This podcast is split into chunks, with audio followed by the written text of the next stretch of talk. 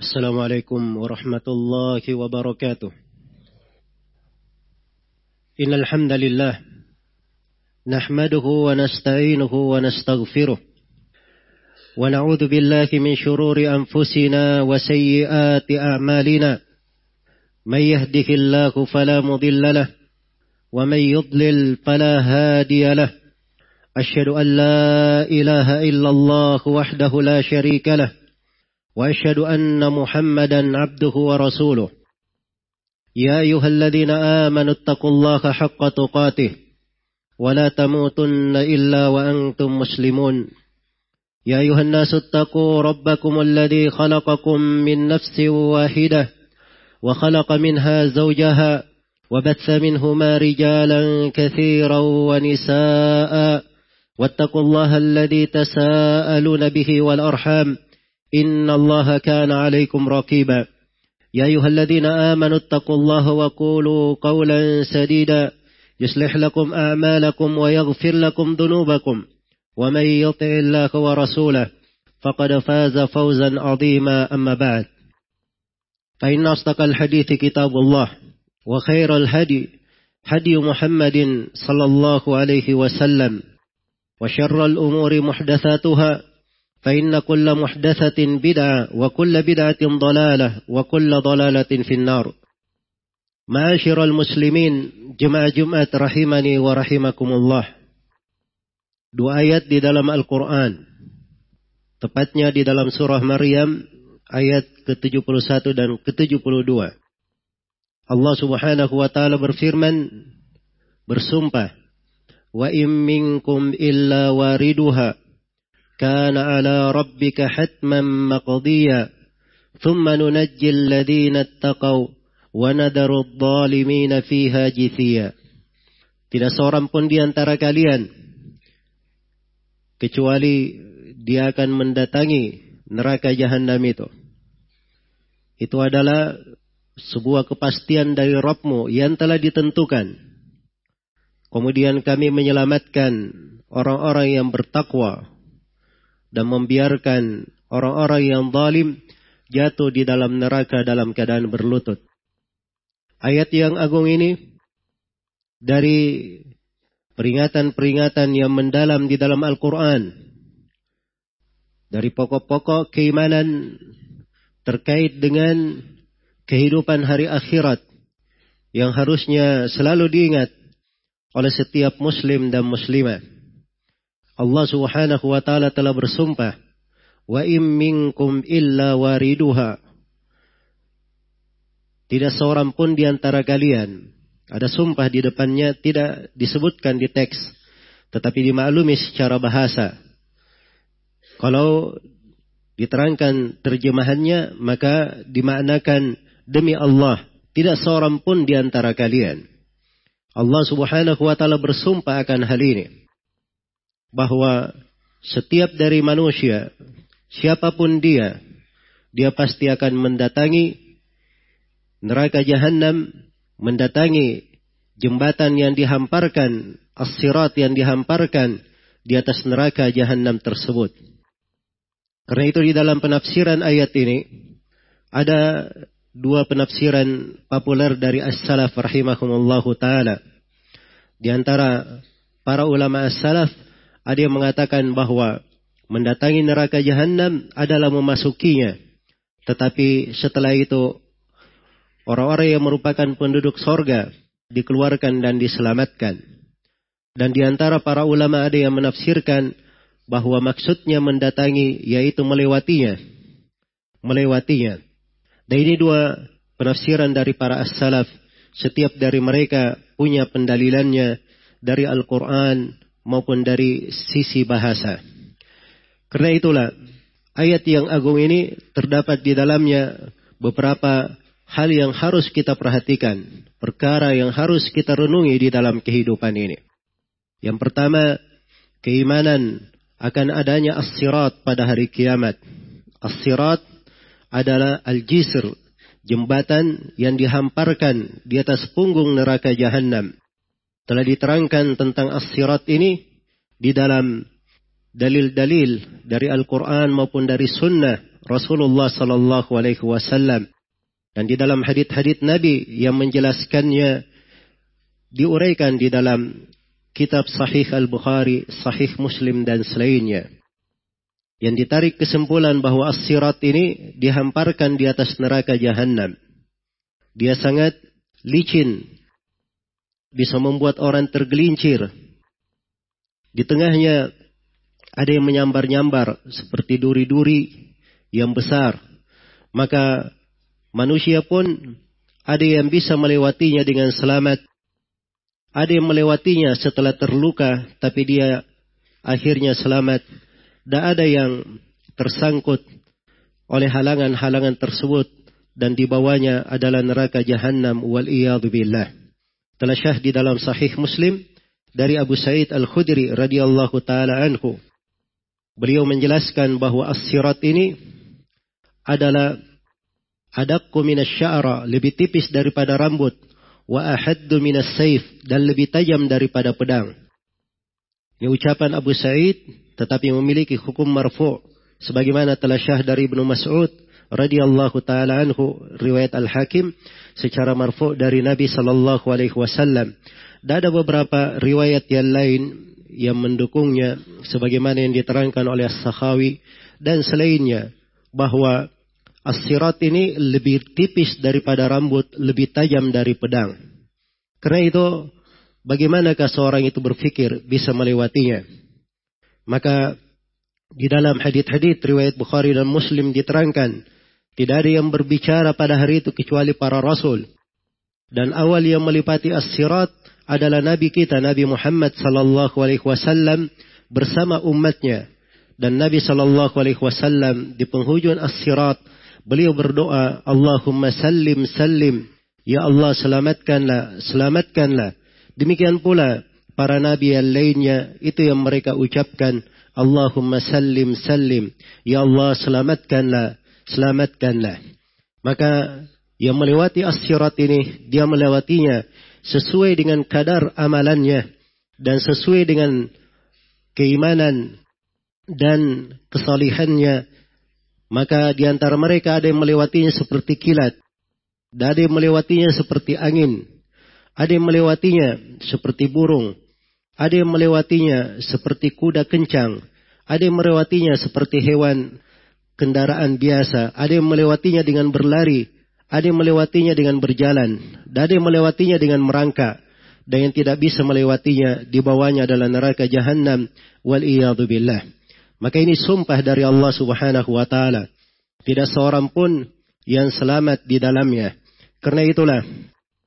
Ini sumpah dari Allah subhanahu wa ta'ala tidak seorang pun yang selamat dari sumpah ini. Semuanya pasti akan mendatangi neraka jahanam dan melewatinya. Harus melewatinya. Tetapi orang-orang yang beriman, mereka diselamatkan. Telah syah dari Nabi Sallallahu Alaihi Wasallam, beliau bersabda, yadukhulun nara ahadun syahida badran wal hudaybiyah. Tidak akan masuk ke dalam neraka seorang pun dari sahabat yang menghadiri perang badar dan menghadiri Al-Hudaybiyah, perjanjian Hudaybiyah. Maka ada yang bertanya, Ya Rasulullah, bukankah Allah telah berfirman di dalam Al-Quran, Wa im minkum illa wariduha, kana ala rabbika hatman maqdiya. Tidak seorang pun di antara kalian, kecuali akan mendatangi neraka jahanam. Itu adalah sebuah ketetapan dari Rabbmu yang telah dipastikan. Maka Nabi Shallallahu Alaihi Wasallam bersabda, bukankah di kelanjutan ayatnya dikatakan thumma nunajjil ladina taqau kemudian kami selamatkan orang-orang yang bertakwa menunjukkan bahwa sahabat-sahabat yang hadir di perang Badar dan Hudaybiyah itu mereka semuanya adalah orang-orang yang diselamatkan dan telah diriwayatkan oleh Al-Bukhari dan Muslim dari Abu Hurairah radhiyallahu taala anhu Rasulullah sallallahu alaihi wasallam bersabda la yamutu li ahadin thalathatun minal waladi fatamassahu nar illa tahillatal qasam. Tidaklah meninggal kepada seorang pun dari kaum muslimin tiga orang dari anaknya tiga orang dari anaknya kemudian dia disentuh oleh api neraka kecuali penghalalan sumpah.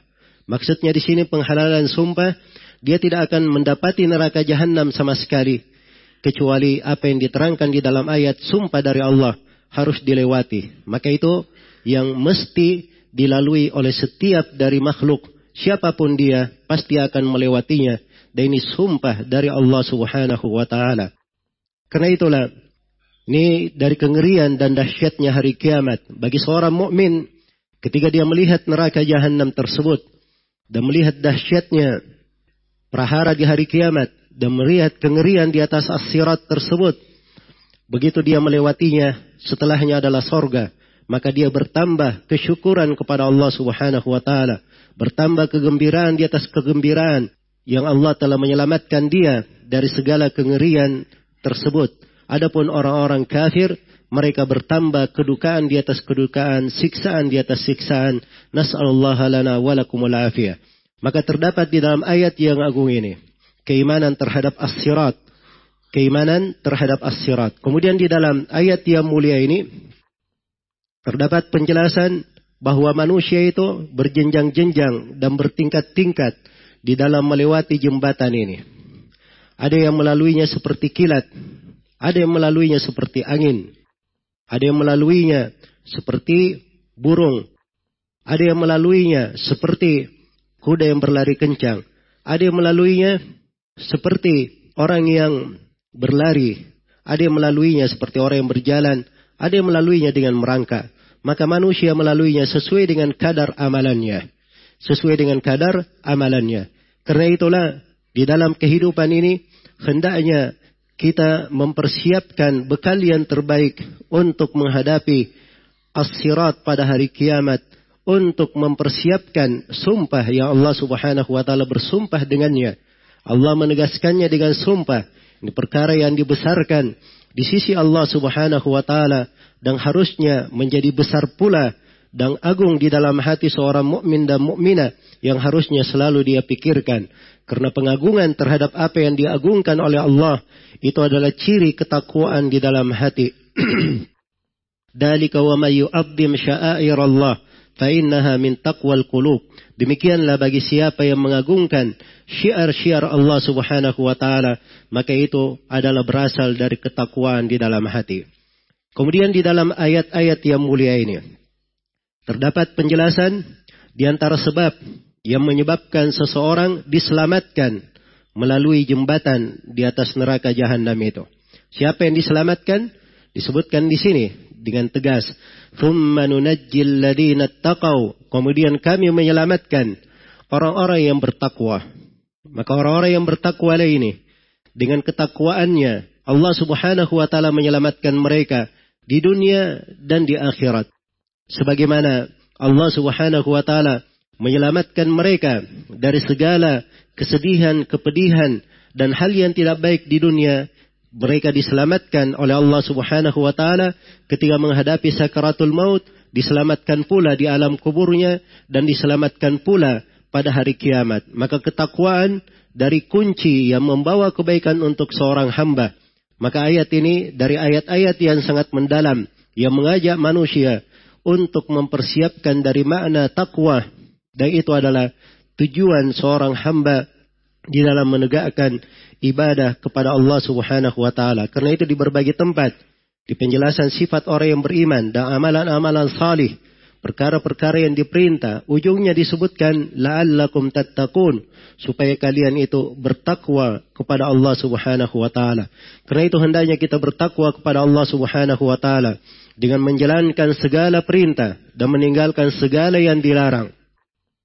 Sebagaimana di dalam ayat ini juga terdapat dari sebab yang menyelamatkan di asirat adalah kesegeraan menyambut perintah Allah Subhanahu wa taala. Semakin seorang itu bersegera, maka semakin dia segera menuju kepada sorga Allah Subhanahu wa taala. Wasari'u ila maghfiratin min rabbikum wa jannatin arduha as-samawati wal ard uiddat lil muttaqin. Dan bersegeralah kalian semua menuju kepada pengampunan dari Rob kalian dan sorga yang luasnya langit dan bumi disiapkan untuk orang-orang yang bertakwa. Dan Allah Subhanahu wa taala berfirman, "Tsumma awrathnal al-kitaba alladziina istafaina min 'ibadina فمنهم ظالم لنفسه ومنهم مقتصد ومنهم سابق بالخيرات بإذن الله ذلك هو الفضل الكبير kemudian kami wariskan kitab ini kepada siapa yang kami pilih dari hamba-hamba kami. Maka manusia terbagi menjadi tiga. Di antara mereka ada yang mendolimi dirinya. Dan di antara mereka ada yang pertengahan. Dan di antara mereka ada yang bersegera dengan kebaikan. Dengan izin Allah. Dan itulah keutamaan yang sangat besar. Inilah keadaan kaum muslimin ketika datang kepadanya Alkitab, datang kepadanya perintah. Mereka ada tiga golongan. golongan yang pertama mendolimi dirinya. Ada dari perintah yang dia telantarkan. Ada dari larangan yang dia tinggalkan. Golongan yang kedua, pertengahan. Seluruh perintah dia kerjakan. Seluruh larangan dia tinggalkan. Hanya saja dia kurang di dalam melengkapi dari sunnah-sunnah dan hal-hal yang lebih mendekatkannya kepada Allah. Dan golongan yang ketiga, ini yang paling tingginya. Mereka yang bersegera dengan kebaikan. Dia laksanakan segala yang diperintah. Dia tinggalkan segala yang dilarang. Dia kerjakan hal-hal yang menyempurnakan perintah itu dari sunnah-sunnah. Dia tinggalkan bahkan hal yang makruh. Dan kadang hal yang mubah yang bisa mengantar kepada makruh juga dia tinggalkan. Maka ini adalah orang-orang yang bersegera kepada kebaikan. Dan ini sifatnya para nabi dan para rasul. Innahum kanu yusari'una fil khairat. Wa yad'unana ragaban wa rahaba. Wa kanu lana khashi'in. Mereka ini adalah orang-orang yang bersegera di dalam kebaikan dan mereka beribadah kepada kami dengan penuh harapan, penuh rasa takut dan mereka adalah orang-orang yang khusyuk di dalam beribadah kepada kami. Kemudian yang ketiga, dari sebab pokok yang menyelamatkan seseorang di atas as-sirat adalah seorang itu banyak memohon kepada Allah Subhanahu wa taala agar supaya diberi hidayah di atas jalan. Itulah surah Al-Fatihah yang selalu kita baca. Ihdinas siratal mustaqim Ya Allah berilah kami hidayah kepada as-sirat al-mustaqim. Kata para ulama, as-sirat al-mustaqim itu ada dua. Ada siratun hissi dan ada siratun ma'nawi. Ada jalan yang sifatnya hissi, jembatan yang terlihat akan dilewati. Inilah yang diterangkan pada khutbah ini. Dan ada as-sirat sifatnya ma'nawi. Itulah jalan agama. Itulah keislaman. Itulah Al-Quran dan Sunnah Rasulullah Sallallahu Alaihi Wasallam sesuai dengan jalan Nabi Sallallahu Alaihi Wasallam dan para sahabatnya. Maka keteguhan seorang hamba di atas jalan maknawi, keteguhannya di atas agama itu menentukan keteguhannya melewati as-sirat pada hari kiamat. Semakin dia teguh di atas jalan yang lurus di atas muka bumi ini, maka akan semakin dimudahkan baginya untuk melalui jembatan as-sirat pada hari kiamat. Karena itulah, hendaknya seorang hamba memperhatikan keadaan dirinya dan bagaimana dia menyambut dari perintah-perintah Allah Subhanahu wa taala, mengingat akan segala hal yang diperintah dan meninggalkan segala hal yang dilarang dan selalu dia hadirkan makna yang agung ini di dalam kehidupannya. Aku luma tasma'un wa astaghfirullah li walakum walisairil muslimina min kulli dhanb innahu huwal ghafurur rahim. الحمد لله على إحسانه والشكر له على توفيقه وامتنانه أشهد أن لا إله إلا الله وحده لا شريك له تعظيما لشانه وأشهد أن محمدا عبده ورسوله الداعي إلى رضوانه صلى الله عليه وعلى آله وأصحابه وإخوانه أما بعد kaum muslimin jemaah Jumat rahimani wa rahimakumullah. Yang diselamatkan adalah orang-orang yang bertakwa. Dan mereka yang binasa disebutkan dengan satu sifat yang mencakup banyak orang. وَنَدَرُ الظَّالِمِينَ فِيهَا جِثِيًا Kami biarkan orang-orang yang zalim jatuh di dalam neraka jahanam itu dalam keadaan berlutut. Maksudnya dengan dihinakan oleh Allah subhanahu wa ta'ala. Di antara mereka ada yang ditarik di atas wajahnya. Dan di antara mereka ada yang jatuh dalam keadaan berlutut. Berbagai kehinaan yang menimpa mereka memasuki neraka jahanam wal billah. Dan di sini sifat diterangkan bahwa yang dimasukkan ke dalam neraka jahanam adalah orang-orang yang zalim. Kezaliman itu ada tiga. Yang pertama, kezaliman yang tidak diampuni. Dan itu adalah kesyirikan kepada Allah subhanahu wa ta'ala. Dan ini kezaliman yang paling besar. Karena di dalam Al-Quran Allah berfirman, Inna syirka la azim. Sesungguhnya kesyirikan adalah kezaliman yang paling besar. Dan orang yang menghadap kepada Allah dengan kezaliman yang seperti ini, dia tidak akan merasakan keamanan pada hari kiamat. Dan tidak akan mendapat hidayah melewati jembatan di hari kiamat. Karena Allah mensyaratkan, Alladzina amanu walam yalbisu imanahum bidulmin, ulaika lahumul amnu wa hum muhtadun. Orang-orang yang beriman dan tidak menodai keimanannya dengan kezaliman, maksudnya dengan kesyirikan. Mereka inilah orang-orang yang akan mendapatkan keamanan pada hari kiamat dan mendapatkan hidayah. Keamanan di dalam ayat ini dan hidayah ini mencakup keamanan di dunia dan di akhirat. Karena itulah, siapa yang ingin mendapatkannya, dia bersihkan dirinya dari kezaliman yang paling besar ini. Kesyirikan yang merupakan dosa yang paling besar. Siapa yang melakukannya, maka dia kekal di dalam neraka wal billah. Siapa yang masuk di dalam syirkul akbar ini, maka akan hancur seluruh amalannya dan dia pasti akan menjadi orang yang paling merugi kelak di kemudian hari. Kemudian kezaliman yang kedua, ada kezaliman yang bisa dimaafkan. Ini adalah dosa-dosa selain dari kesyirikan antara seorang hamba dengan Allah Subhanahu wa taala. Apabila dia bertobat kepada Allah Subhanahu wa taala, maka akan diampuni dosa-dosa tersebut di dunia Apabila dia meninggal dalam keadaan belum bertobat, maka dosa-dosanya dibawa kehendak Allah. Kalau Allah menghendaki, diampuni dosa-dosanya. Kalau Allah subhanahu wa ta'ala menghendaki, maka dia akan disiksa sesuai dengan kadar dosanya. Allah menegaskan, Inna Allah la yaghfiru ayyushraka bih, wa yaghfiru ma duna dhalika liman yasha. Sesungguhnya Allah tidak mengampuni dosa kesyirikan dan mengampuni selain daripada itu bagi siapa yang Allah kehendaki. Kemudian kezaliman yang ketiga, adalah kezaliman yang tidak akan ditinggalkan. Ini kezaliman yang terjadi antara sesama makhluk. Sebagian dari mereka mendalimi yang lainnya. Maka ini tidak akan ditinggalkan. Akan terjadi hisab. Dan hisab terhadap kezaliman yang seperti ini. Sebagian ulama ada yang memandangnya. Ini kejadiannya sebelum melewati as-sirat. Dan sebagian ulama memandangnya bahwa ini setelah melewati as-sirat. Begitu lewat as-sirat, dari penduduk sorga yang sudah akan masuk ke sorga, maka akan terjadi di situ kisah. Mereka orang-orang yang didolimi akan datang menuntut yang mendoliminya. Maka apabila dia memiliki dari pahala, dia bayar dengan pahalanya. Dan di antara mereka ada yang dituntut orang-orang yang dolim, telah habis dari pahalanya membayar kedoliman dan masih ada yang menuntutnya. Maka dia menanggung dari dosa orang-orang yang menuntutnya. Kemudian dia dilemparkan ke dalam api neraka wal billah. Maka Kedoliman mencakup tiga hal. Karena itulah hendaknya setiap orang bertakwa kepada Allah Subhanahu wa taala dan meninggalkan segala bentuk kedoliman. Karena kedoliman ini adalah petaka di dunia dan di akhirat. Rasulullah bersabda, "Wattaqud dzulma fa inna dzulumatun yaumal qiyamah."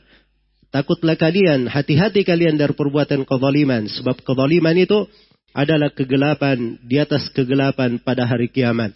Semoga Allah Subhanahu wa taala mengukuhkan kita semua di atas as-siratul mustaqim di kehidupan dunia ini dan memudahkan kita semua melewati as-sirat kelak di kemudian hari dan semoga Allah Subhanahu wa taala menjauhkan kita semua dari api neraka dan memudahkan jalan kita menuju kepada sorga dan semoga Allah Subhanahu wa taala memasukkan kita ke dalam golongan orang-orang yang bertakwa dan dijauhkan dari orang-orang yang berlaku zalim. Innahu waliyu dzalika wal qadiru alaih. ثم اعلموا رحمكم الله. إن الله أمركم بأمر بدأ به بنفسه وثنى بملائكته المسبحة بقدسه. فقال جل من قائل إن الله وملائكته يصلون على النبي. يا أيها الذين آمنوا صلوا عليه وسلموا تسليما. اللهم صل وسلم على نبيك ورسولك محمد. وارض اللهم عن خلفائه الراشدين أبي بكر وعمر وعثمان وعلي وعن الصحابة أجمعين وأن معهم بفضلك وجودك وإحسانك يا أرحم الراحمين. اللهم اغفر للمسلمين والمسلمات والمؤمنين والمؤمنات الأحياء منه والأموات. إنك سميع قريب مجيب الدعوات ويا قاضي الحاجات. اللهم أعز الإسلام والمسلمين وأذل الشرك والمشركين ودمر أعداءك أعداء الدين من الكافرين ومن شايعهم من المنافقين والمرتدين. يا قوي يا عزيز. اللهم أرنا الحق حقا وارزقنا اتباعه وأرنا الباطل باطلا وارزقنا اجتنابه. ربنا ظلمنا أنفسنا وإن لم تغفر لنا وترحمنا لنكونن من الخاسرين.